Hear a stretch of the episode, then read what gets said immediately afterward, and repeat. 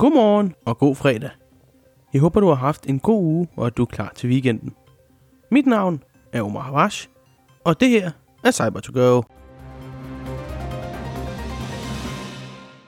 Fortinet har patchet en zero-day sårbarhed, der har sat regeringer og regeringsrelaterede entiteter som mål. Android malwaren fake calls, der lokker bankopløsninger ud af ofre, cirkulerer igen.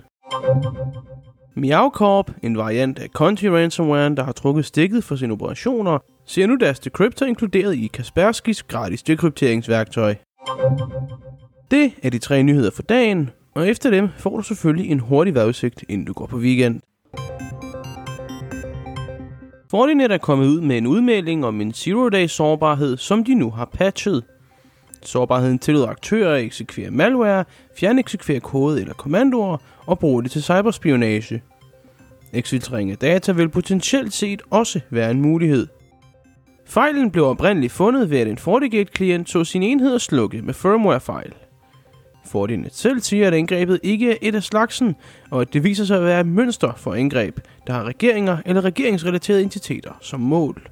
Ifølge Mandiant skete angrebene tilbage i midten af 2022. Mandiant har ligeledes kædet angrebene til en kinesisk hackergruppe, som de tracker som UNC 3886. Android malwaren Fake Calls er begyndt at cirkulere igen, men denne gang i Sydkorea.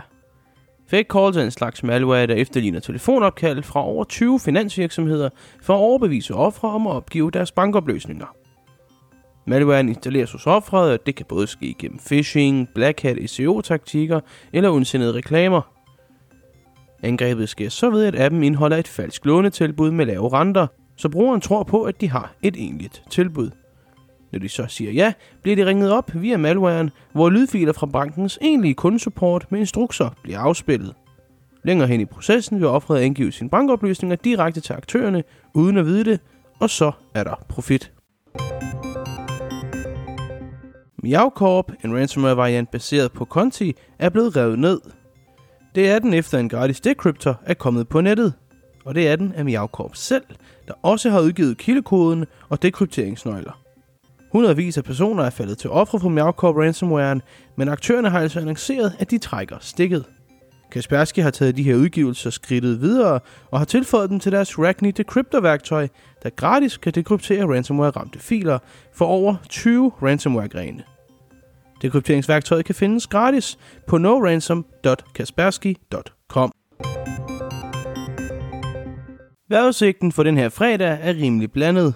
Vi starter dagen ud med regn i de vestlige egne, men i dag spreder den sig altså ikke til resten af landet, der faktisk vil se skyer. I nogle egne sol, men ellers skyet med temperaturer i løbet af dagen mellem 4 og 7 grader. Her hos Level 7 vil vi gerne gøre Danmark mere sikkert dag for dag, og vi vil rigtig gerne give tilbage til samfundet i form af hjælp og viden om cybersikkerhed. Så hvis du er en uddannelsesinstitution eller en mindre virksomhed, er vi bestemt interesseret i et samarbejde. Du kan læse mere om os og kontakte os på www.lvl7.dk. Mange gange tak for, at du lyttede med til dagens udsendelse af cyber to go Mit navn er Omar Havash. Jeg er cybersikkerhedskonsulent og journalist, og jeg håber, der venter dig en dejlig weekend. Kør forsigtigt!